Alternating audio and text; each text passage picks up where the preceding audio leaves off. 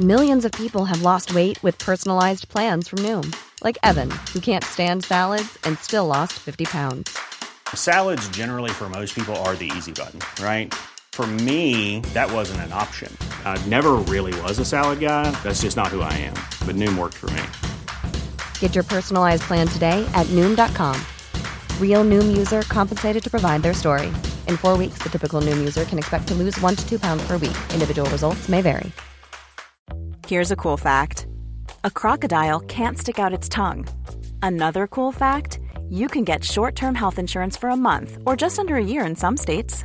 United Healthcare short term insurance plans are designed for people who are between jobs, coming off their parents' plan, or turning a side hustle into a full time gig. Underwritten by Golden Rule Insurance Company, they offer flexible, budget friendly coverage with access to a nationwide network of doctors and hospitals. Get more cool facts about United Healthcare short term plans at uh1.com. Bögministeriet, bögministeriet, bögministeriet, bögministeriet, Vadå, vad är det som är så speciellt? Jag vet inte. jag såg faktiskt att du satte på nu, för första gången har jag sett det. Det där är ett gammalt Robin-trick. Ja, eh, att börja spela in och sen hälsa att man har spelat in. Hej och välkomna till bögministeriet. Eh, Det här är eh, Micke som sitter här med Mårten Hej. och Thomas. Hej hej! Och det här är lite spännande för det här är vårt premiäravsnitt på eh, Acast. Yes. Du får nästan berätta vad Acast är. Ja, eh, för de av er som inte lyssnar på oss via Acast eh, så kanske ni inte förstår det. Man kan lyssna på oss, fortsätta lyssna på oss via iTunes precis som man kunde förut. Men eh, Acast är också en ny tjänst som är lite som Spotify för podcasts. Ehm, och det innebär också att man kan ha lite mera, lite bättre, mera innehåll, som till exempel filmer och bilder och så, via deras app. Så att vill du, vill du se mer innehåll så kan du ladda hem Acast-appen från acast.se, acast.se. Eh, Så lite eh, reklam Andas. för det. Hörni, hur mår ni? Det är bra. Ja, så här påsktrött kanske. Jag kom hem från Berlin och där var det verkligen vår. Du vet, alla satt ute dagtid. Det gör ju folk här också nu med lite infravärme, men där var det verkligen sådär. Folk satt med en stor kall öl och njöt och vi gick i t-shirt och mådde så bra. Vi såg några härliga bilder därifrån. Ja. Vad gjorde du själv? Eh, Jag var nere i Holmbo med min familj, så jag hade en eh, om, raka motsatsen till Berlin. Eh, Inget partande, möjligen ett glas vin på sin höjd. Och så här, hyfsat tidigt i säng, sov i en stuga som där, där var väldigt tyst. Jo, vi blev väckta av tranor på morgonen. Och tranor låter låter- väldigt högt. Och väldigt speciellt. Mhm. Nästan lite trolls, jag älskar det. Mm, ja, det, när Jag jag får lägga förstod in ett tranljud här nu. det var tranor. Ja, precis, nu vi ska utnyttja Inte de här tra- effekterna vi kan få. Tran, tranjingeln. Och Thomas? eh, nej, men det blev en Stockholmspåsk. Ovanligt Med för vad liten- dig. Mm, det kan man säga. Nej, men sen blev det en liten avstickare hem till eh, Vässan på påskmiddag med min familj. Mm, Men det blev väldigt lugnt sådär. Men, ja, bra. Härligt. Jag, jag tänkte på det när jag var på väg hit idag, att jag, är, eh, jag har en hektisk vecka och jag känner mig så, här, så trött att mitt Hallmark-index ligger på typ kanske tre. Och Vad innebär detta? Ingen det är precis vad jag väntade på att få frågan. Hallmark-index, det är hur många minuter klarar du att kolla, kolla på en Hallmark-film innan du börjar gråta, eller på en Hallmark-reklam innan du börjar gråta. Och det är så här, ju lägre, desto tröttare och desto mer sliten är du. Och just nu så är jag i det här läget, så det kan hända att jag börjar gråta under den här podcasten. Bara eh, så här, glädje, utmattning, sorg, det kan vara vad som helst. Kärlekskrank. Kärlekskrank, eh, precis. Eh, hörni, vi, vi fick ett, ett läsarbrev eh, som jag tänkte vi skulle eh, ta och läsa lite valda delar av. Eh, från, eh, vi, ska inte, vi ska inte namnge personen, vi vet inte om vi får namnge, men eh, han berättar att eh, han är tillsammans med någon som inte kan komma ut.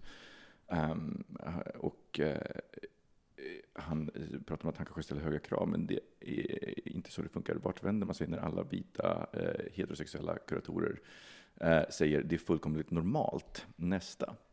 Eh, har, har ni någonsin dejtat någon som inte varit öppen? Fast det, det, alltså mer eller mindre, det var ju mer vanligt när, man- när, när jag var yngre. på 90-talet. Nej, men då var, det, då var det nästan regel. Jag, menar, jag var ju inte helt ute förrän eh, ett tag i en, eh, några relationer. Liksom. Jag kommer ihåg att jag hade det, det var väldigt speciellt att gå och hålla handen på stan.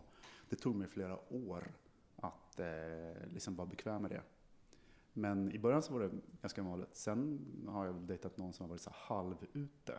Och då kan det vara, då blir det svårt för då vet man inte riktigt när det är okej okay och när man inte är okej. Okay. Kan man posta på hans sida på Facebook? Kan man liksom, och nu gick det inte att så här få uh, kyssas liksom ute. Och det, det kan jag tycka är lite så här speciellt. Jag läste det där brevet också. Den här killen är ganska ung vad jag förstår. Han har en äldre pojkvän som inte är öppen. Mm. Eh, jag har varit med om att, att jag har varit en yngre som inte varit öppen. När jag kom ut, min första relation var när jag var 21. Då träffade jag en kille som var väldigt mycket äldre än mig och han var öppen. Han hade levt en lång relation i många år. Eh, jag var precis nyutkommen, hade inte berättat för någon att jag var gay och jag var otroligt eh, harig med allting. Så vi under ett års tid så träffades vi i princip bara hemma hos honom. Eh, och jag minns en gång så skulle vi ta oss ut för att gå på en restaurang för vi var så här, nu måste ändå någonting hända. Eller han sa väl det. Eh, och ett och ett halvt år sa du bara? Vad sa du? Ett och ett halvt år? Nej, ett år. Ett år, okej, men det är jävligt lång tid. det är väldigt lång tid. Eh, och då skulle vi ta oss till en thai-restaurang som låg på Karlaplan som jag då ansåg var det mest säkra stället i Stockholm. vi tar oss dit med bil och han, han bodde där på Södermalm där vi sitter och spelar in just nu, väldigt nära, nere på Bastugatan. Eh, och då kunde man ta hissen direkt ner till garaget, väldigt praktiskt. Tog bilen därifrån, Gud, åkte till Karlaplan, hoppade av, kommer in på thai-restaurangen. Och då möter vi detta vänliga leende av en kvinna som jobbar på restaurangen. Som så fort hon ser oss springer iväg in i köket, hämtar två orkidéer som hon går fram till oss och stoppar i våra kortknappar och för oss till bordet. Jag visste inte om det här var en thai tradition, men jag tolkar ju detta genast som att det här är så uppenbart, vilket det så självklart var, att det här kommer in två praktbögar och sätter sig ner och ska ha liksom en romantisk middag. Eh, men jag var väldigt, i efterhand, eh, väldigt mm, vad ska jag säga, fascinerad att den här killen hade så otroligt mycket tålamod med mig. Att, att han verkligen ställde upp på de här villkoren som jag ställde jag och min sida, efter att ha kommit ut, skulle ha oerhört svårt att... Jag, jag skulle säga att jag, jag, skulle inte kunna leva med någon som inte var helt öppen. Eh, men det är lätt så, såklart att säga det, jag skulle aldrig... Men den omedelbara känslan är det. Och dels tror jag att det, att det handlar om att det påminner om mig själv med en ganska dålig självkänsla och där jag inte vill komma ut och vara tillsammans med någon som inte är landad i sig själv och tycker om sig själv, det skulle vara skitsvårt för mig att dela med. Eh, men jag har ju vänner runt omkring som, som har utmanats. Du, Micke, har, har ju liksom levt med, lever med någon som inte har varit helt öppen. Ja, precis. Mike var inte äh, alls öppen när vi träffades. Mm. Men hur har du tyckt att det har varit? Um, det som är så intressant är att jag var väldigt dömande mot folk som inte var öppna eh, innan, eh, innan jag eh, själv, alltså innan jag träffade Mike. Um, och jag hade dejtat en kille som var, inte var öppen, eller dejtat, ja, Ah, jag vet inte riktigt vad det var, men vi träffades och vi träffades just typiskt hemma hos mig. Uh, alltid. Han var livrädd för att ens gå ut på stan. Uh, så. Mm, han gjorde en Mårten liksom. Ja, för jag, jag kommer ihåg en gång att han fick, um, han var hemma hos mig och så fick han böter. För han, ställde, han stod utanför. Och han blev helt jävla kallsvettig uh, av det. Och jag kommer ihåg att han, han var så här, han ville inte börja bråka och ville inte börja göra någonting för att han, så här, det, det, han, han ville inte behöva förklara varför han hade varit där just då. Um, så. Oj, vänta nu ska vi se. Det här ska vi ha med dig Thomas. Nu, vad sa du? Men förklara för vem? Um, förklara för, för, sin familj eller för sina vänner. Alltså, för han var inte öppen för någon. Men vad då skulle boten komma, tänker han? Liksom. ja, men, äh, men, äh, jag kommer inte ihåg vad det var, men jag kommer ihåg att, att jag, jag, pratade med, med, med den här lapplisan, för vi, vi kom ner precis som, som hon skulle... Drama. Ja, som hon skulle lägga på. Och, alltså, Ja, det, var, det var inte om man, om man bara, kunde nej, nej, han har inte kommit ut, du får inte lappa. Det blir katastrof. Han har inte kommit ut alltså. Nej, det blir böter. Nej, men jag kan i och för sig förstå det, för logiken var ju inte helt vattentät när man Nej, men jag tror att det var någonting om att så här, man, kunde, man kunde överklaga, men han var bara så här, nej, nej, jag tar bara boten. Alltså, du vet, så här, det, fanns, det fanns inget annat alternativ. Och jag kommer ihåg att jag efter det tänkte så här, eh, men alltså, i alla fall gå på bio kan man göra. Och jag, tror, jag, jag är rätt medveten om att jag, eller jag tror att jag pressade honom för hårt, så att han drog ju sig ur. Eh, så. Eh, jag funderar faktiskt ibland på vad som hände med honom, för det skulle vara kul, kul att veta om han någonsin kom, kom ut. eh, så småningom. Facebook. Nej, Ja, ja. Men när du träffade din nuvarande kille då, vad ja, hände då? och då eh, när, eh, det var så roligt för att när Mike berättade då efter tror jag, första, på första morgonen eh, så, så pratade vi lite och så berättade han, jag frågade om han var öppen och han sa att nej, inte för någon. Och normalt så hade jag ju varit så extremt dömande, bara så här, men äh, alltså, skärp dig. Eh, så här, det var redan fast. jag vet inte om det var det eller om det var, men det, var, det, bara saknades. Jag bara så här, jaha, okej. Eh, och sen så tänkte jag inte så mycket, så jag tror att, att han inte var öppen, det var ju det som gjorde att vi så småningom eh, eh, blev tillsammans. För att då, eh, vi spenderade bara 36 timmar ihop först och han skulle tillbaka till Danmark och gå på bröllopet, sen åkte hem till USA och det är så här, man köper inte en biljett till USA efter 36 timmar om det inte finns liksom någonting ytterligare. Någon måste ta ett första steg och det första steget att köpa en biljett till USA var för stort. Ehm, men då, när han kom ner till Danmark, så kom han ut för sin, eh, sina två vänner då, som var två av hans bästa vänner. Eller ja, två av hans bästa vänner. Och berättade att han hade träffat mig. Och då, när jag...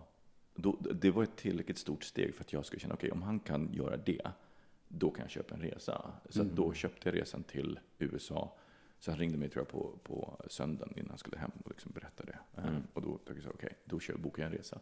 Så att i det läget, för oss, så var ju det en bra sak. För utan det så hade det inte funnits någon katalysator. Mm. Men när du pratar om det här dömandet, jag pratade om, om att koppling till självkänsla, eller att för mig är det, finns en koppling där och att det är det som är så svårt att dela med.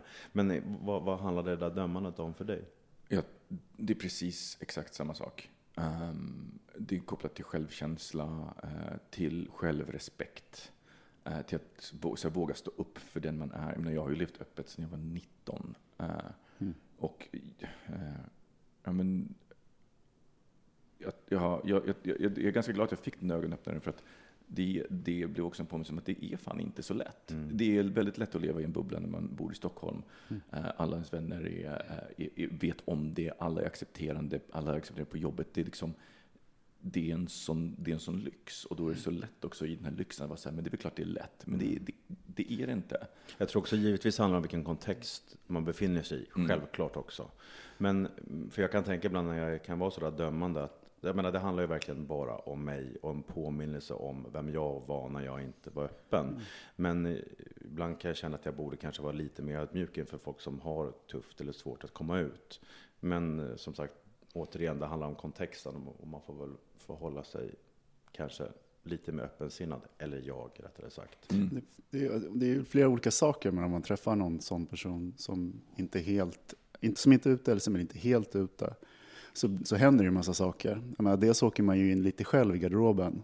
Eh, att man inte kan leva ut fullt tillsammans med den personen i en relation i alla sammanhang. Och Ja, det exakt. kan vara väldigt jobbigt.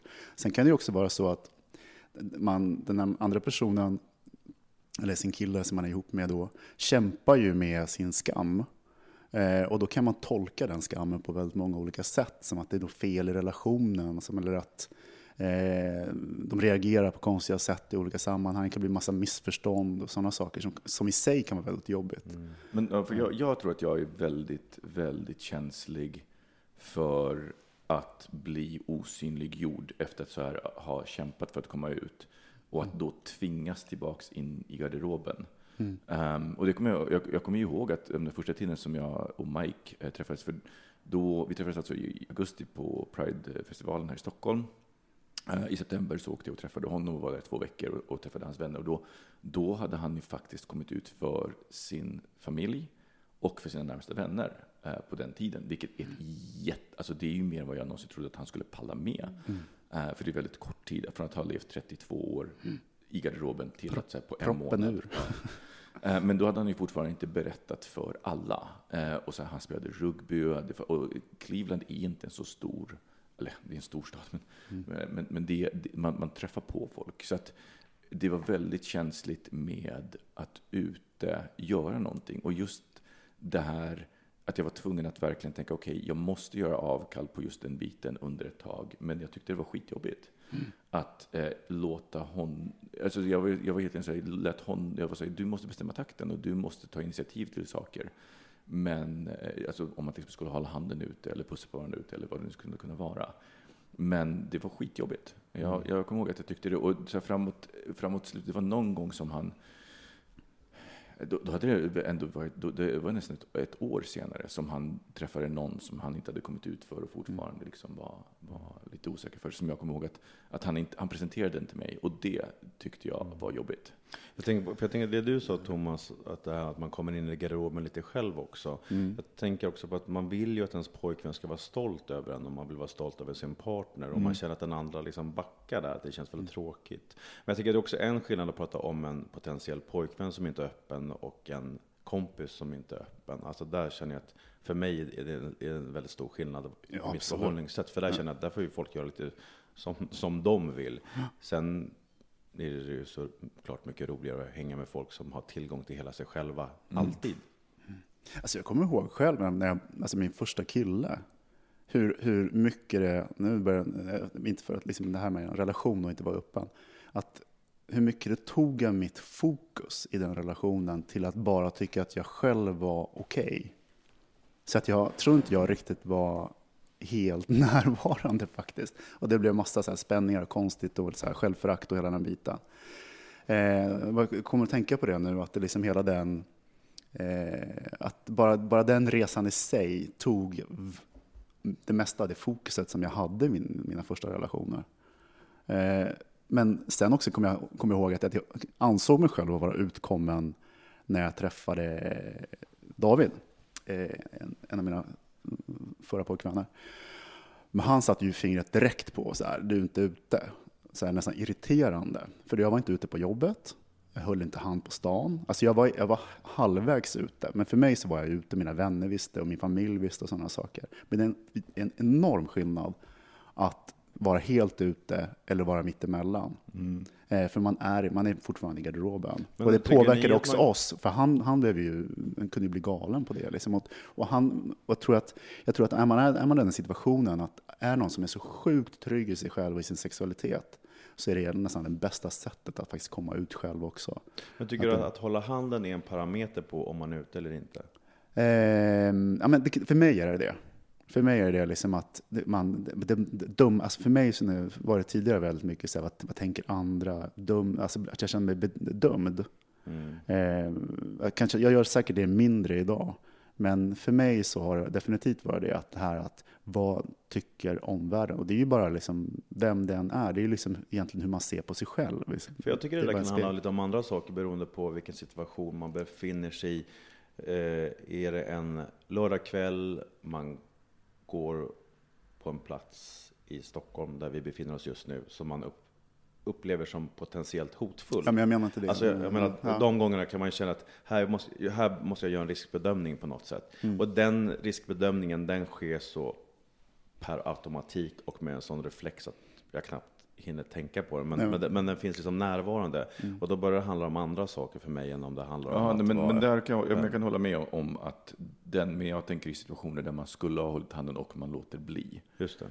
För det kan jag också se som en, som en och jag, jag kan förstå den påfrestningen på, mm. på relationen. För, då, för att någonstans, alltså antingen så, alltså det, det är en konflikt, för antingen så är det någon som måste komma ut eller någon som måste gå in i garderoben och alltså, no, någon måste göra av ja, sitt beteende. Ja. Um, för att om ett naturligt beteende är att så här, men vi går på stan, jag får en impuls att pussa på, min, min, på Mike. Men... För mig så går det djupare. Jag menar, det är svårt att vara ihop med någon som inte tycker om sig själv. Ja, det, det, precis, för där har vi den andra biten, just det med skam. Ja. Um, att det, det, det handlar ju om en internaliserad homofobi i grund och botten. Mm. Och den, den tror jag, jag har gett, jag har gett och jag tror att... alltså, det blir svårt för mig för att jag får inte den kärleken som jag behöver. Alltså tillbaka, för att den, det, den kapaciteten finns inte. Mm. Knappt alltså bakom stängda dörrar eh, för att man inte tycker om sig själv. Mm. Det... Men vi lever ju öppna alla, tre. Men finns det någon situation som ni upplever att ni gör avkall Förutom då, Nej, men det ska vara så här, säkerhet då, men det är ju liksom om man är i en väldigt stökig miljö. Fast knappt det längre faktiskt, ska jag vara helt ärlig. Ja, men det, jo, men alltså, jag tänkte på det häromdagen bara. Eh, Jag var på gymmet och eh, eh, eh, eh, satt i bastun så sitter två stycken killar som liksom, ja, du vet man blir så här tjenis efter ett tag man har sett dem på, på gymmet och sen så de sitter, de sitter och pratar och så blandar de in mig samtalet och vet jag bara så här, jag vill inte prata. Och då pratar Men- ni brudar. Ja, de pratade brudar. Och eh, du vet, och där så satt och sen så var det någon av dem som såklart gjorde ett heterosexuellt antagande om mig och jag bara satt och jag bara Orkar jag hantera deras reaktioner just nu? Nej, det gör jag faktiskt inte. Ja, det, är inte ditt ansvar. Nej, nej, nej, nej. Och sen men jag tänkte bara så här, jag, jag gillar ju inte när någon gör det antagligen om, om mig, men samtidigt så var jag så här, okej, men då måste jag börja hantera, åh nej, förlåt, och, och det, jag, så här, jag orkar inte. Eh, så att, ja, det finns ju fortfarande, jo, jag, jag, tror att, jag tror att just kontrasten mellan, mellan när det blir så, i och med att jag har så frihet att kunna leva så öppet. Fast det är en annan sak också. Det är ju liksom, dels är ju inte, skammen som är ute och talar, utan det är ju liksom att man orkar inte. Eh, där, men det är inte intressant. Det kanske inte bara är så här en stökig Stureplans eh, gångtur med sin partner, utan det, det kanske är också att, jag tänkte på det, vi var ute och sprang eh, midnattslopp med pannlampa. Ja. I, i, vid Stockholm Bögsgård Night hette det. Var ju så jävla roligt. Eh, Midnight Trail, Ja, en mil. Eh, I en övre stock och sten kan jag tillägga, jag har aldrig haft så ont i vaderna som efter det. Jag förväntade mig lite mera eh, stadsmiljö. Nej, nej, det var helt det var grymt. Men där var det ju inte så att vi eh, som var där i vårt gäng höll varandra i handen och pussades. Och, Jag, jag och Mike gjorde det. ja, ja, ja. När vi, eh, när vi kom i mål. Bravo. Bravo. Eh, men, men, Men det är en väldigt straight miljö, förstår du? Ja, det det det är var ungefär som att komma in straight i så här miljö. Skytteklubb. Liksom.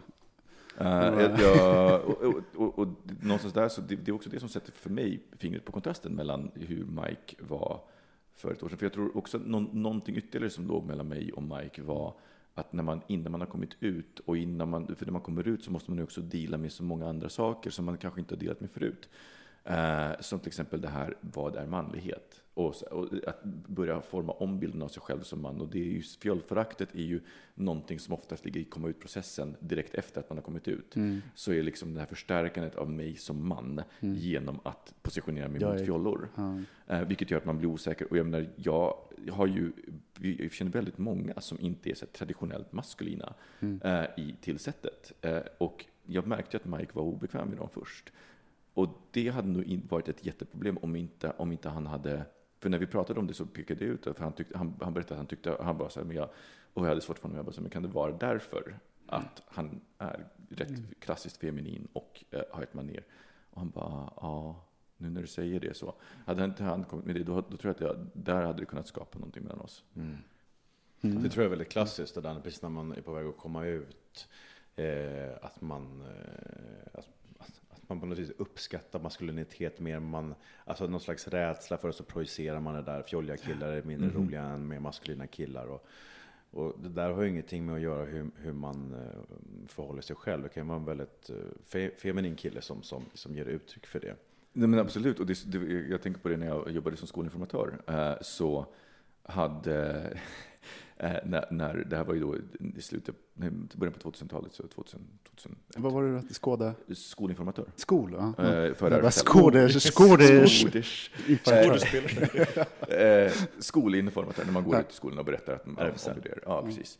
Och då var det väldigt ofta som skolorna eh, så här hade önskemål om vilka man skickade. För jag var ju ansvarig för programmet under ett halvår också. Och skolorna kunde vara så här, ja, eh, kan ni skicka någon som inte är så fjollig? Eh, för vi vill, liksom så här, vi vill att det ska vara... Och det roliga, det roliga är ju att den här relativiseringen som, som att det, alltså det här med fjollighet och manlighet och alltihopa, allting, det är bara helt relativt. Och vi skickade nästan alltid en kille och en tjej. Och det var nästan aldrig någon som, så vi kunde skicka ut en, en kille som dessutom extra knäcker som dragqueen och är så här härligt super, superfjollig. Och det var liksom i och med att han var med en tjej och ändå i kontrasten att tjejen ändå var, eh, om, var, var med feminist, så ansågs alltså han som, som maskulin. Eh, så det här relativiserandet kom först när man hade eh, två killar, om man någon gång var tvungen att skicka två killar och två tjejer, då blev det ju, men då blev det en jämförelse. Och ett väldigt bra sätt att avväpna det, det, eh, det var när eh, vi, eh, nu kunde inte vi göra det i skolor för det, man får, ska inte ställa elever mot det, men vux, med vuxengrupper så gjorde vi det. Eh, att vi kunde ta så här, ja, men, vi, vi två stycken här inne som är vänner, och så var det liksom så här, ja, folk som sökte upp handen och så var det så här, okej, okay, så att om vi skulle ställa er här framme så, och säga att ni är vänner, då, är det ing, då, då, ska ni, då ska ni bara acceptera det och, och, gå vidare. Men om vi skulle säga att det här är två personer som är tillsammans och de har samma kön så skulle ni ens börja relativisera dem gentemot varandra, vem är maskulin och, och, och liksom, ni skulle hitta, ni skulle komma till en, till en dom, för det är så det funkar. Och just den här relativiseringen tror jag är, är eh, man, behöver, man behöver vända sig av med den aktivt. Eh, eh, men det är, det är helt och hållet, det är, det är relativt vad som är manligt och inte. Men hörni, om ni skulle vara den här killen som skrev det här mejlet till oss, om ni skulle vara i hans skor här nu och ge honom ett råd, eller om ni var honom, vad skulle ni göra? Åh, oh, vilken bra fråga. Eh, jag antar att han har haft tålamod ett tag. Eh, men det är väl att, eh, jag vet inte hur mycket, det är väl ändå att man ska ställa krav någonstans. Att, liksom att eh, ändå försöka liksom stödja och coacha och pusha lite. How would you like to look five years younger? In a clinical study, people that had volume added with Juvederm Voluma XC in the cheeks perceived themselves as looking five years younger at six months after treatment. Look younger, feel like you. Add volume for lift and contour in the cheeks with Juvederm Voluma XC. Reverse signs of aging by adding volume to smooth laugh lines with Juvederm Volure XC.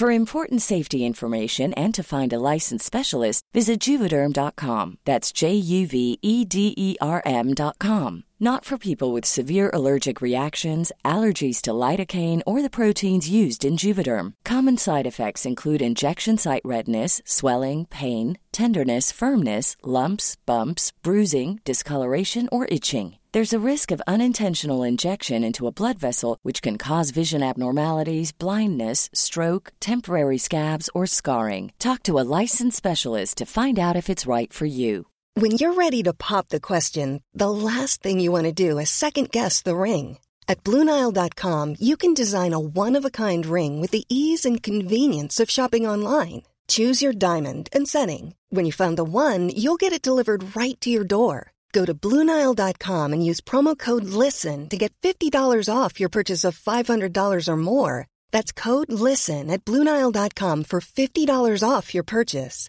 Bluenile.com code LISTEN. Here's a cool fact a crocodile can't stick out its tongue. Another cool fact you can get short term health insurance for a month or just under a year in some states. United Healthcare short term insurance plans are designed for people who are between jobs, coming off their parents' plan, or turning a side hustle into a full time gig. Underwritten by Golden Rule Insurance Company, they offer flexible, budget friendly coverage with access to a nationwide network of doctors and hospitals. Get more cool facts about United Healthcare short term plans at uh1.com. Eh, när det gäller den andra, för att det går att förändra sig. Ja, nu är man ihop med någon som är äldre, det kanske är svår, svårare att lära äldre hundar att sitta. Men, Men jag tror också bara, man, man måste väl fråga sig själv, se... är det viktigt för mig att jag lever med en partner som är öppen eller inte? Vi tycker det, men det behöver inte nödvändigtvis att någon annan tycker det. Nej. Så att kolla först med sig själv, så känner du att det är viktigt för dig? Och sen fråga sin partner också, vad är det som hindrar dig att komma ut? Och kan jag på något sätt hjälpa dig? Och på vilket sätt i sådana fall?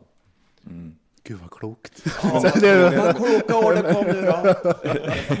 Men jag, jag har funderat på det för att jag har, eh, och också du vet, när man läser i forum och det är väldigt ofta som den, just den här frågan återkommande kommer upp. Eh, bland, bland framförallt yngre gaykillar i USA eh, så är det inte ovanligt så men ja, jag kan man vara tillsammans med någon som inte är öppen. Och jag tror, jag, jag tror på en kombination av att faktiskt också ställa någon typ av deadline för att för sig själv. Mm. Alltså, om man kanske inte måste säga man, det, det handlar inte om att ställa ett ultimatum, men för sig själv. För att är det viktigt, det, menar, det är sånt här som kan pågå i år, sen så har man helt plötsligt liksom varit tillsammans i tio år och så händer ingenting. Och, sen, och det kan ju bara leda till bitterhet. Mm. Om, man, om det nu är en viktig sak. Så jag tror att det är en, en sån sak som, som bara säger, att prata om det, säga att men du, för mig så är det här så superviktigt. Jag kan ge dig ett tag, men jag kan inte ge dig för alltid. Alltså, jag, någonting som tror jag har hjälpt mig väldigt mycket, menar, det är ju att träffa andra ja, men oavsett om man kommer ut själv eller om det är ens partner, att umgås med människor som är sköna och trygga i sin sexualitet och inte tänker på det. Liksom. Det, det tror jag det, det är säkert den snabbaste resan man kan göra. Om man umgås med andra som, är helt, eh, som man tycker om och som är helt lugna med det och kommer i grupp, för den här gruppkänslan och grupptryggheten är ju sjukt viktig. Och därför är ju sån här isoleringen så himla eh, destruktiv. Om man bara kan ses hemma i lägenheten. Liksom. Gud, jag får panik när jag tänker på det här. Jag skulle liksom bara dö. Men jag fattar inte hur du orkar ett år. Eller han Jag orkar. Han det. orkar menar jag. Ja, Liksom, han orkar, eller hur? Jag skulle... Men jag tror när du säger att sätta en deadline, jag tänker om jag var då den här killen som han beskriver sin pojkvän som inte har kommit ut, jag skulle få en deadline. Nej, och jag Alltså, tror, det jag, jag, skulle vara skitklurigt att få jag tror på inte- sig. jag tror alltså, inte- jag, jag, jag skulle nog ha mycket lättare tror jag, att komma ut om någon skulle säga så här, vad ska vi göra? Alltså på något vis göra det här som ett gemensamt projekt och försöka, det ställa- tror jag skulle få mig lite mer. Men sen äh, vill jag att komma ut. Men, men det beror på vem den här killen är och så beror det också väldigt mycket på vad är det som är hindret för honom. Ett hinder kan jag tänka mig, som jag kände eh, innan jag kom ut, var att jag kände att jag hade gått runt och ljugit för alla.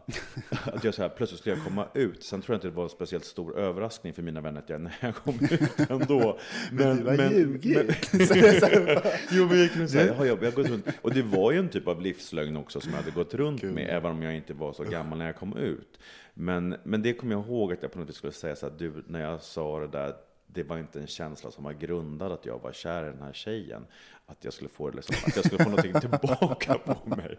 Vilket ju såklart aldrig kom. Men det var ett, det, det där gick jag runt och fnulade på jättemycket. Nej, men, och, och jag tror inte, jag som jag sa, jag tror inte på, på att man ska ställa det som ett ultimatum. Jag tror att man ska göra det för sig själv personligen, mycket för att se så här, men att man, att man i alla fall ser att någonting har hänt. För jag tror att annars så kan det rulla på. Och sen så har det gått och jag tror att om man gör avkall på sig själv så länge, utan, så, utan att någonstans göra avcheckningspunkter, så leder det till, för mig så skulle det leda till bitterhet. Jag skulle vara bitter på, den, på, på, på mig själv och på den andra. Att liksom, men nu har jag slösat bort, alltså, och det är egentligen mitt eget ansvar att här, men någonstans vara så här, vad kan jag förvänta mig skulle kunna hända på ett år, på två år, på tre år? Eh, Så valde jag vara, och någonstans att om, om, ingen, om vi har varit tillsammans i två år och vi har pratat om det här och sen så två år senare så har fortfarande ingenting mer hänt. Och då är frågan så här, kommer det hända? Och då måste jag börja omvärdera, kan jag leva med det här eller kan jag inte leva med ja, det är det här? klart, det det är kommer ju till någon slags gräns. Sen, Om det, det är, jag har nog aldrig pratat med någon gay-kille som har ångrat att komma ut. Det är liksom, det, har ni stött på någon som har gjort det? För jag tycker man tittar på sin egen erfarenhet, att den här känslan av att känna att man är mycket mer hel och att ens relationer med människor runt omkring fördjupas. För det kände jag så tydligt att jag hela tiden höll tillbaka med mina, vä- mina vänner. Att jag liksom aldrig kunde liksom dela med mig av vem, vad jag, vem jag var. Och när jag väl gjorde det så kände jag att plötsligt så var det något som släppte så oerhört mycket. Förutom allt annat som lättade i kroppen. Och den feedbacken fick jag också av flera vänner som sa att Shit, jag har liksom alltid känt att det är någonting som står emellan och liksom inte riktigt kunnat peka på vad det där har handlat om. Så jag tänker du, den här killen som inte har kommit ut, do it, du har mycket att vinna på det. Och relationen till sin pojkvän också. Vi var, vi var inne lite, lite på det här med, med att, eh, ålder, Thomas, eh, eh, pratade vi om. Ehm, och jag tänker på det här med vuxenskap. Det är någonting som verkligen slog mig i förrgår. Att jag är vuxen, alltså på ett sätt som det aldrig har gjort. På förut. vilket sätt då? Jo, nej men, alltså, jag menar, jag är medveten om att jag i år fyller 37, vilket är så här, men, och det har jag, men jag har aldrig reflekterat över det förrän jag läste om Thomas Piketty, som är den här kändisekonomen nu från Frankrike, som har skrivit en bok som eh, har blivit hyllad av så här, både The Economist och Guardian och allihopa. Och han är, så här, men han är en tung auktoritet, han är professor i ekonomi, och han har skrivit en bok som hela världen nu pratar om och som, som, som kan komma att påverka liksom hela, hela vår historiska, eller ekonomiska utveckling framöver, hur folk tänker kring den. Och så var han så här, läste, och jag, mitt huvud sa så här, professorn, han är gammal, han är 42. Och jag var så här, och då var det så här, han, det, jag? Ja, men Alltså, det, det är faktiskt sant. alltså, man, det man ser, det ibland när man ser personer i sin egen ålder så tänker man liksom inte att man är en helt annan generation. Det är ju helt absurt. Ja, men det, det, någonstans har jag liksom i mitt huvud, bara det är professor har i mitt huvud varit så här, allt automatiskt någon som är så mycket äldre. Och så helt plötsligt så bara så här, men det, det, det, är ju min ålder. Jag är alltså nu, jag är vuxen. Jag,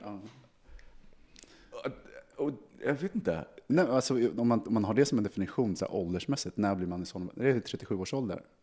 Det är ju, eh, alltså det finns, jag tror jag aldrig har varit så vuxen som när jag var 25. Om jag ska vara helt ärlig.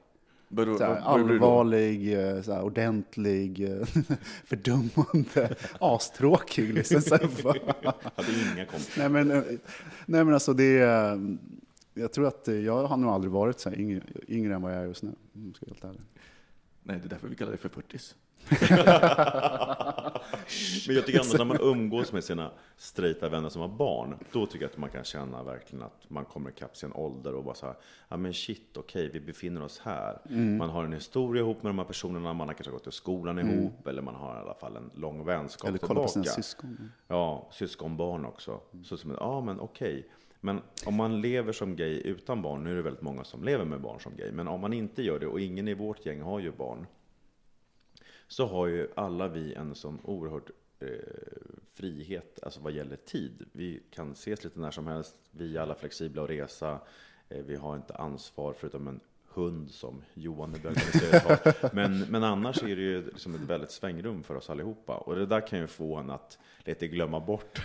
Ja, men för, det var, för det var ju min nästa tanke, för då började jag tänka på, på med mina vänner, så här, bögministeriet. Jag var så här, men jag gör ingen skillnad, alltså förutom när vi skojar om 40 men det är ju, men, men den, det är, det är på en skämtsam nivå, men jag gör liksom, till exempel ingen skillnad på dig och Kristoffer, och det är ändå en åldersskillnad mellan er. Ja. För Kristoffer är väl den som är 25 yngst år. Var det. i, i bögministeriet. Eh, och jag vet inte om, om, om det, det, är bara, det, det är bara jag som någonstans här försöker eh, fly, fly Ja, från... men om, jag, om, man tittar på Åldersgrupp får det. om jag tittar på eh, så här, vilket socialt åldersspann som finns bland de bögar som jag umgås med, så tror jag att den yngsta är det är David, Johans pojkvän, som är, alltså Johan är bögministeriet. Hans pojkvän är 23, va? Mm.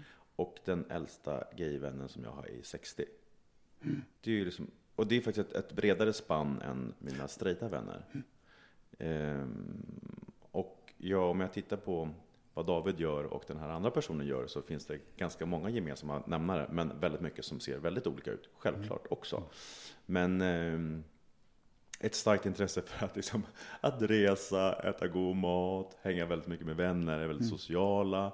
Alltså det finns liksom, eh, som, och, också där man också kan eh, exponera det väldigt mycket, för inte någon har barn helt enkelt. Men sen finns ju många gayvänner som har barn och de lever ju väldigt mer likt mina straighta vänner så som, som deras verklighet ser ut. Och när jag hamnar i de sammanhangen så tycker jag att mycket mer att jag blir påmind om det som du pratar om. Men, Men, så, men har ni, så det är de, när du träffar dina straighta vänner, som du får det här aha-ögonblicket, alltså just Som det har här barn. Min, ja, det här är min, det här är liksom folk i min ålder, fast jag känner mig inte. Jag menar, som att träffar referensramarna som man har varit, med- har haft, varit med under en väldigt lång tid. Det kan vara syskonbarn, det kan vara föräldrar, det kan vara syskon, det kan vara gamla vänner. När man ser, man ser på andra liksom att det har gått några år. Om man säger så. Eh, då kan jag bli påmind om att, eh, ja. Men sen, sen tänker inte jag på, jag menar, vi, när vi träffar våra yngre vänner och våra äldre vänner, det, det är så många gemensamma nämnare så att de där, sen kan man märka att någon är lite yngre eller någon är lite äldre, men det som är majoriteten av känslan är ändå likheten känns det som. Eh, vilket är en enorm befrielse. Att kunna umgås så som vi gör över generationsgränserna. men ibland kan man såklart känna sig skitgammal också i vissa situationer. Nej. Men det, känns, nej. Men det behöver inte, Pratar det om? finns inte någon logik i det där. För mig i alla fall. Det kan ju vara liksom, men det kan vara, jo ibland om jag får ha någon på jobbet under är väldigt ung chef kan jag tycka bara så här, shit, du är 27 och chef. Jag tycker det är liksom, då kan jag bli den där, oh, det kanske man skulle börja tänka på på något annat sätt liksom arbetsmässigt. Ja, men för, för jag tänkte på det, för, för att när du, du, du Thomas sa, för att jag kan ju kolla på så här, folk som jag gick med i grundskolan på Facebook och inte alls tycka att de ser gamla ut. Jag kan tänka på dem som jämnåriga med mig, men jag tänker inte på dem som gamla. Eller så här, ja men det är klart att vuxna någonstans, men det har aldrig någonsin slagit mig så hårt som just det här med Thomas, jag vet inte varför. Kanske också för att jag blev påmind tidigare i år om, så här, om att jag faktiskt för första gången är äldst på mitt jobb. Ja, men, men du, Och- har ju, du har ju blivit äldre. Ja, men jag- jo, men jag har det- blivit äldre, men- det, det är en men aha-upplevelse. Det det- är ju en aha-upplevelse att, Att- börja bli eh, medelålders och vara en av de äldsta i vissa sammanhang. Att, in, att inte längre vara den som är den. yngst. Jag är första gången, första gången äldst på jobbet och jag har aldrig någonsin tänkt på vilken pondus ålder för med sig och hur försiktig jag behöver vara med liksom, alltså saker som jag gör. Jag, jag vill vara försiktig med hur jag uttalar mig för att folk lägger mer vikt vid det jag säger bara för, på grund av att jag är äldre. Alltså det i sig är också ytterligare en faktor. Men intressant det där, för jag, när jag var yngre, inte så konstigt kanske, men, men jag hade många vänner som var äldre än mig, så jag var oftast liksom yngst i sällskapet. Och, och den där självbilden tycker jag nog kanske har, har hängt med lite för länge. Nu sa du något intressant. Det har du rätt i. Det är nog vad det har varit. För jag har, för jag har liksom över, överlag umgåtts med jämnåriga eh, eller, eller äldre, väldigt lite med yngre personer. Och att det är nog det, att jag, att jag har haft själv. Tack. Där kom svaret. Men sen handlar det också om vilken livsstil man har. Vi är tillbaka till det. Liksom att, jag menar, det är ju, jag har fått ha flera pojkvänner där vi har varit jag menar, en bra bit över 30. Eh, där, där man blir tilltalad. Ja, ni grabbar. Men grabbarna, vad ska ni ha då? Så här, hemma på familjen, du vet, i olika sammanhang. Att, att eh, man, blir, man ses fortfarande som yngre för att man inte har barn, man klär sig på ett visst sätt, man, man lever på ett visst sätt. Eh, man, har, de har, man kanske inte har en riktig referenspunkt eh, till ett gaypar liksom på det sättet, två killar som är ihop. Så att det där, ni grabbar då, då har jag ändå varit så här generaldirektör under den tiden. Man bara, ja, det är så här, helt absurt. Så här, det var split eh, flera olika dimensioner samtidigt på något konstigt Men sätt. finns det någonting som ni avstår ifrån för att ni känner att nu är ni för gamla för det? T-shirt med tryck. Ja men gud, det har ju inte, det har inte med ålder att Det var göra. mitt trauma när jag fick sluta med det. Men det är ingen som ska ha ett t-shirt med tryck Längre. längre. Faktiskt.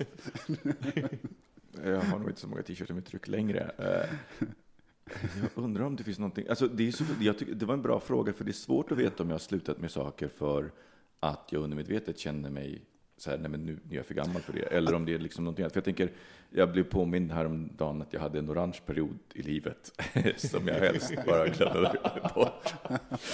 När jag hade väldigt mycket orangea kläder. Eh, Det skulle jag till exempel inte kunna ha på mig idag, trots att jag fortfarande gillar orange. Så skulle jag aldrig sätta på mig de där orangea byxorna som jag då hade.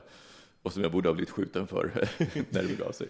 Jag kom på en sak. Alltså linne är helt okej för mig tycker jag, liksom, ha, det är inga problem och sådana saker. Men keps börjar jag tycka är lite så här kymigt att sätta på mig. Vad säger du?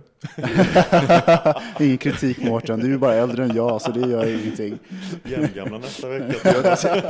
Halva bögministeriet bär keps regelbundet. Ja, Nej, men alltså, det, det, det, alltså, jag tycker det, det är snyggt på alla. Eh, men jag börjar, känna mig, jag börjar känna mig lite konstig liksom, på med keps. Gubbe med keps liksom. Kommer du ihåg? Ja, men det finns en varning på det, absolut. Var också med, med tryck på keps. Har du slutat med någonting Mårten som du känner? Ja, men t-shirt med tryck har jag T-shirt slutat med med. Det är, och jag kan också gå någon gång i någon affär och ska handla så ser jag bara, oh shit, det där skulle jag vilja köpa. Bara, mm, mm, går inte. Eller en annan sak, så här, lite för eh, avancerade sneakers. Eh, kan, kan jag vara försiktig med nu för tiden. Sen, men, sen Det låter skittråkigt, men det, jag vet inte, det är någonting som har hänt. Liksom. Men det beror på lite också kontexten återigen. I ett gaysammanhang när jag vet att jag kommer bara umgås med bögar så är toleranströskeln oftast lite högre för vad man kan ha och inte ha. Liksom. Eh, Alltså, jag även om rikt- folk tycker det såklart också. Men, men eh, går du på en gayklubb så, så är det ju liksom mer sprayade luggar och fler liksom färgglada kläder generellt sett. I alla fall om man är i Sverige och utomlands har ju ingen, har ju ingen liksom någonting på kroppen. I alla fall, I alla fall och uppe till så att säga. Där är ju alla avklädda. Det är inte Berlin nu. Vilket såklart, vilket förresten på nästa fråga, har ni haft, nu, nu har ni har fyllt 40, har ni, hade ni 40-årskris? Jag hade 25-årskris. Ja, fast den kom eh, något år efter. Hur tedde sig din 25-årskris? Hade jag också Eh, mm. Alltså, jag har aldrig känt mig så gammal som när jag var 25. Du sa att du typ var så gammal också. Men det var någon, jag hade inte börjat plugga på universitetet. Jag hade inte liksom riktigt hittat... Jag visste vad jag ville göra. Det hade Det visade sig ta lite längre tid än, än vad jag från början trodde. Och det där skapade ganska mycket stress och gjorde att jag fick också ompröva ganska mycket i livet. Om det här inte går vägen, vad händer då? Och jag kände så här, shit, jag började se mina vänner, jag började plugga, började, folk började etablera sig på ett sätt som jag också önskade göra, men jag kände att jag stod och stampade lite. Eh, Och sen råkade jag vara 25 och så kopplar man kanske det till. För sen när jag fyllde 30 då pluggade jag fortfarande och kände att jag är verkligen liksom på väg. Alltså, jag kände Mm. mig, då kände jag mig oerhört lugn och liksom gick inte alls in i någon sån tanke. Så att, det är väl kanske tveksamt att det där är kopplat till någon ålder egentligen. Det är väl mer en plats i livet som kan stressa en på olika sätt. Ja, jag, tror, att- men jag kommer ihåg, jag hade också en 25-års eller 26-årskris eller något sånt där. Och det, egentligen så det som har sammanhang med det som jag upplevde för något år sedan, det var att det var mer en existentiell kris, en, så här, en skarv i livet. Då när jag var 25-26, då avsluta studier, stress för att, alltså man ska ta ett, ett, ett, något sorts kast till någonting annat. Eh, när jag fyllde 30, det var ju i och för sig en, jag trodde det skulle vara jobbigt, så det blev jobbigt på grund av det, men sen var det inte så jobbigt. Eh, när jag väl hade, den där dagen hade gått liksom. Eh, så summerade de här tio åren, alltså mellan 20 till 30 och insåg att shit, jag kan dö nu, jag har gjort det mesta, kände jag då. Eh, och det, att jag låg, i fas. Men det som, för något år sedan så var det liksom att eh, det var massa saker som utlöste det. Det var liksom en sprucken relation, det var eh, ett slutet på en, en, en lång och ganska bra karriär och en, en vilsenheten som inträdde efter det. Så det var, liksom mer en existentiell grej. Och jag tror att de här existentiella grejerna kanske inte så här knutet till vissa åldrar, men den kommer i vissa perioder, liksom när det gäller, man summerar, man är på väg in i någonting nytt. Ehm, och ibland så kan det liksom skaka, och det, det kanske sammanfaller i vissa åldersspann i, i hög utsträckning.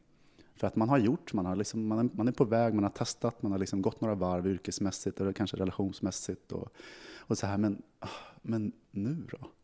Vad, som där, vad ska man sikta mot? Vad är jag sugen på? Vad är min lust? Och sen kanske man har ett bagage för att man har sträckt sig väldigt, väldigt långt. Både i, i jobbet och i en relation eller eh, så vidare. Men du och jag Thomas har pratat om det, om liksom hur, hur går man vidare som, just som gay om man väljer att inte ha familj.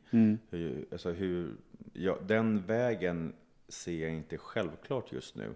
Och det är någonting som, som jag kan vara ganska aktivt eh, fundersam kring eller tänkande kring. Hur ska liksom, jag menar, så som vi umgås just idag så tänker jag att så kommer det inte att se ut hela tiden, men hur kommer det då Jodå. se ut? Säkert, jodå. Ja, men vilken typ av väg? Vad pratar om? Vi ska öppna ålderdomshem. Ja, men det kanske är just det. Med rave. Men däremot måste jag säga, när, när man är ute och reser eh, och, och vänner som man har som inte bor i Sverige, då, tyck, då funderar jag liksom mindre på det. Jag vet inte, kanske för att jag tycker att för mig är, jag har färre synliga äldre bögar omkring mig som jag kan liksom kika på. Så, ah, hur lever ni och hur har ni valt att gå vidare? Eller vad gör ni för någonting när ni inte är ute, på, ute och käkar på restauranger, ute och klubbar eller liksom ute och reser? Vad gör ni för någonting? Man har väldigt få, jag har väldigt få gay-förebilder. Det kan jag sakna. Mm. Jag har ju, jag menar vänner, vi, är liksom, ni är ju mina förebilder på många sätt. Men någon som ligger liksom några år steget före och det, men det är kan jag jag- både nyfiken på och lite sådär, oj, hur kommer det där se ut? Du är den enda som sjunger här, Mårten. Eller? Ja. Nej, knappast. Nej, jag sjunger faktiskt inte. Ibland när jag blivit tvingad på jobbet så gör jag det. Annars så står ju både Johan och Kristoffer och Robin väldigt bra för den skutan. Ja, det är sant. Så det här är första konstellationen i bögministeriet som inte... Ingen sjunger. Nej, Ingen sjunger. är helt fantastiskt. Vi är de allvarliga vi tre. Har ni hört det? Så här låter det alltid när Thomas och Micke och jag sitter själva och pratar. Då är det inga framsvettningar. pratar bara Jag fick upp bilder, jag fick massa upp bilder nu. En sanning med modifikation må jag säga. Hörni, det är ju vår. Spritter i benen på er. Det spritter både här och där. Blir det mer lägga av nu Micke? Eh, ja, om, om vi bodde i samma stad, jag och Mike, så, så hade det säkert blivit det. Men eh, nu gör vi inte det, så då eh, blir det inte så mycket mer ligga. Med, med Skype och telefon och... Men det, alltså, det kan vi alltså, Det här med Skype. Det här med Men alltså så här, Skype-sex, alltså om man har en, en relation, man är, de är bortrest eller om det är, eh, man bor i en annan stad och sådana saker. Tycker ni det är kul? Nej. Jag har, aldrig, jag har liksom försökt någon gång, så här, men jag har aldrig liksom fastnat för det. Mm, nej, alltså. Men du har berättat ju faktiskt tidigare mycket om när du och Mike träffades, när ni försökte ändå. Ja, och alltså, det var det lite finns- taffligt när du skulle strippa. Oh my god, alltså den videon. Eh, det är nästan så att jag kanske ska bjuda på den. Eh, om, jag säger så här, om, om, om vi får tio nya ratingar på, på eh, iTunes ehm, eh, eller något efter det här avsnittet så kanske jag bjuder på det. För nu finns ju vi på Acast så då kan vi lägga in den videon som extra innehåll för plusmedlemmar. Åh, can't wait. Det skulle ju vara helt underbart. Eh, nej, fast fast det, var, det var ju mera, det var ju mera så här, eh, mitt projekt. Men, men vi, vi har ju... Vad var det? Det var en erotisk dans? Eller? Det var en striptease. det är så jävla retro. Det är. Så osexigt. Jag tror, jag tror på riktigt inte... Alltså jag postar nog hellre bilden av mig när jag var Orangeklädd. orangeklädd. För det, det går inte. Men hur det gick finns ingen Hade- värdighet, hade du musik sexighet. på och så nej, rörde nej, du nej, dig nej, nej, nej. Fast ingen, ingen, ingen tragiskt nog ingen musik. Musik hade nog kanske till och med gjort det lite lättsammare. Jag kanske bara ska lägga på Benny Hill-soundtracket för, bara för att göra det lite mer lättsamt. Eh, nej, ut, jag får inte, det är som att jag det är så här snubblar och ramlar till. Och, det, finns noll värdighet. Noll sexighet.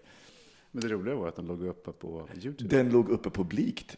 Eller så här, jag trodde att videos som man la upp på YouTube, när man la dem som olistade, att det var ingen som såg dem, tills eh, en eh, av våra gäster som har varit här, faktiskt Fredrik Westerlund, eh, messar mig och säger, du, du vet att vi kan, som följer dig kan se videos, och jag bara...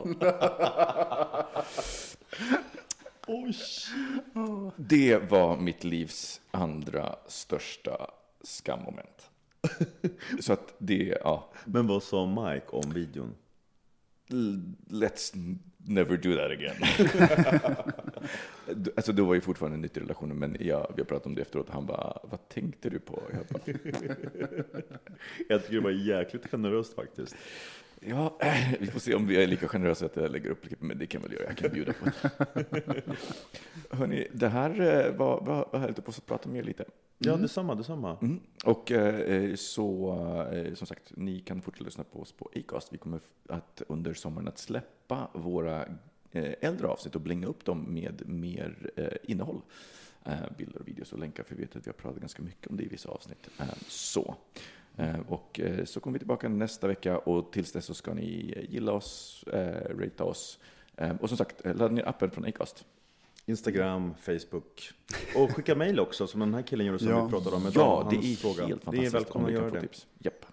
All right. Tack för idag. Tack för idag. Hej, hej. Puss och kram. Puss. Bögministeriet, bögministeriet, bögministeriet, bögministeriet, bögministeriet, bögministeriet.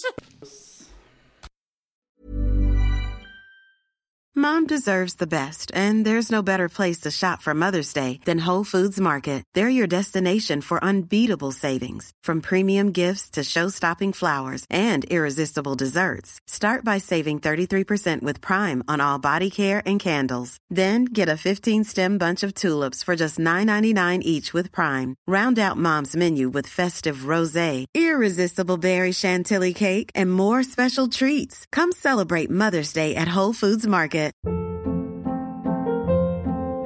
Hold up. What was that? Boring. No flavor. That was as bad as those leftovers you ate all week. Kiki Palmer here, and it's time to say hello to something fresh and guilt-free. Hello Fresh. Jazz up dinner with pecan-crusted chicken or garlic butter shrimp scampi. Now that's music to my mouth. Hello Fresh. Let's get this dinner party started. Discover all the delicious possibilities at hellofresh.com.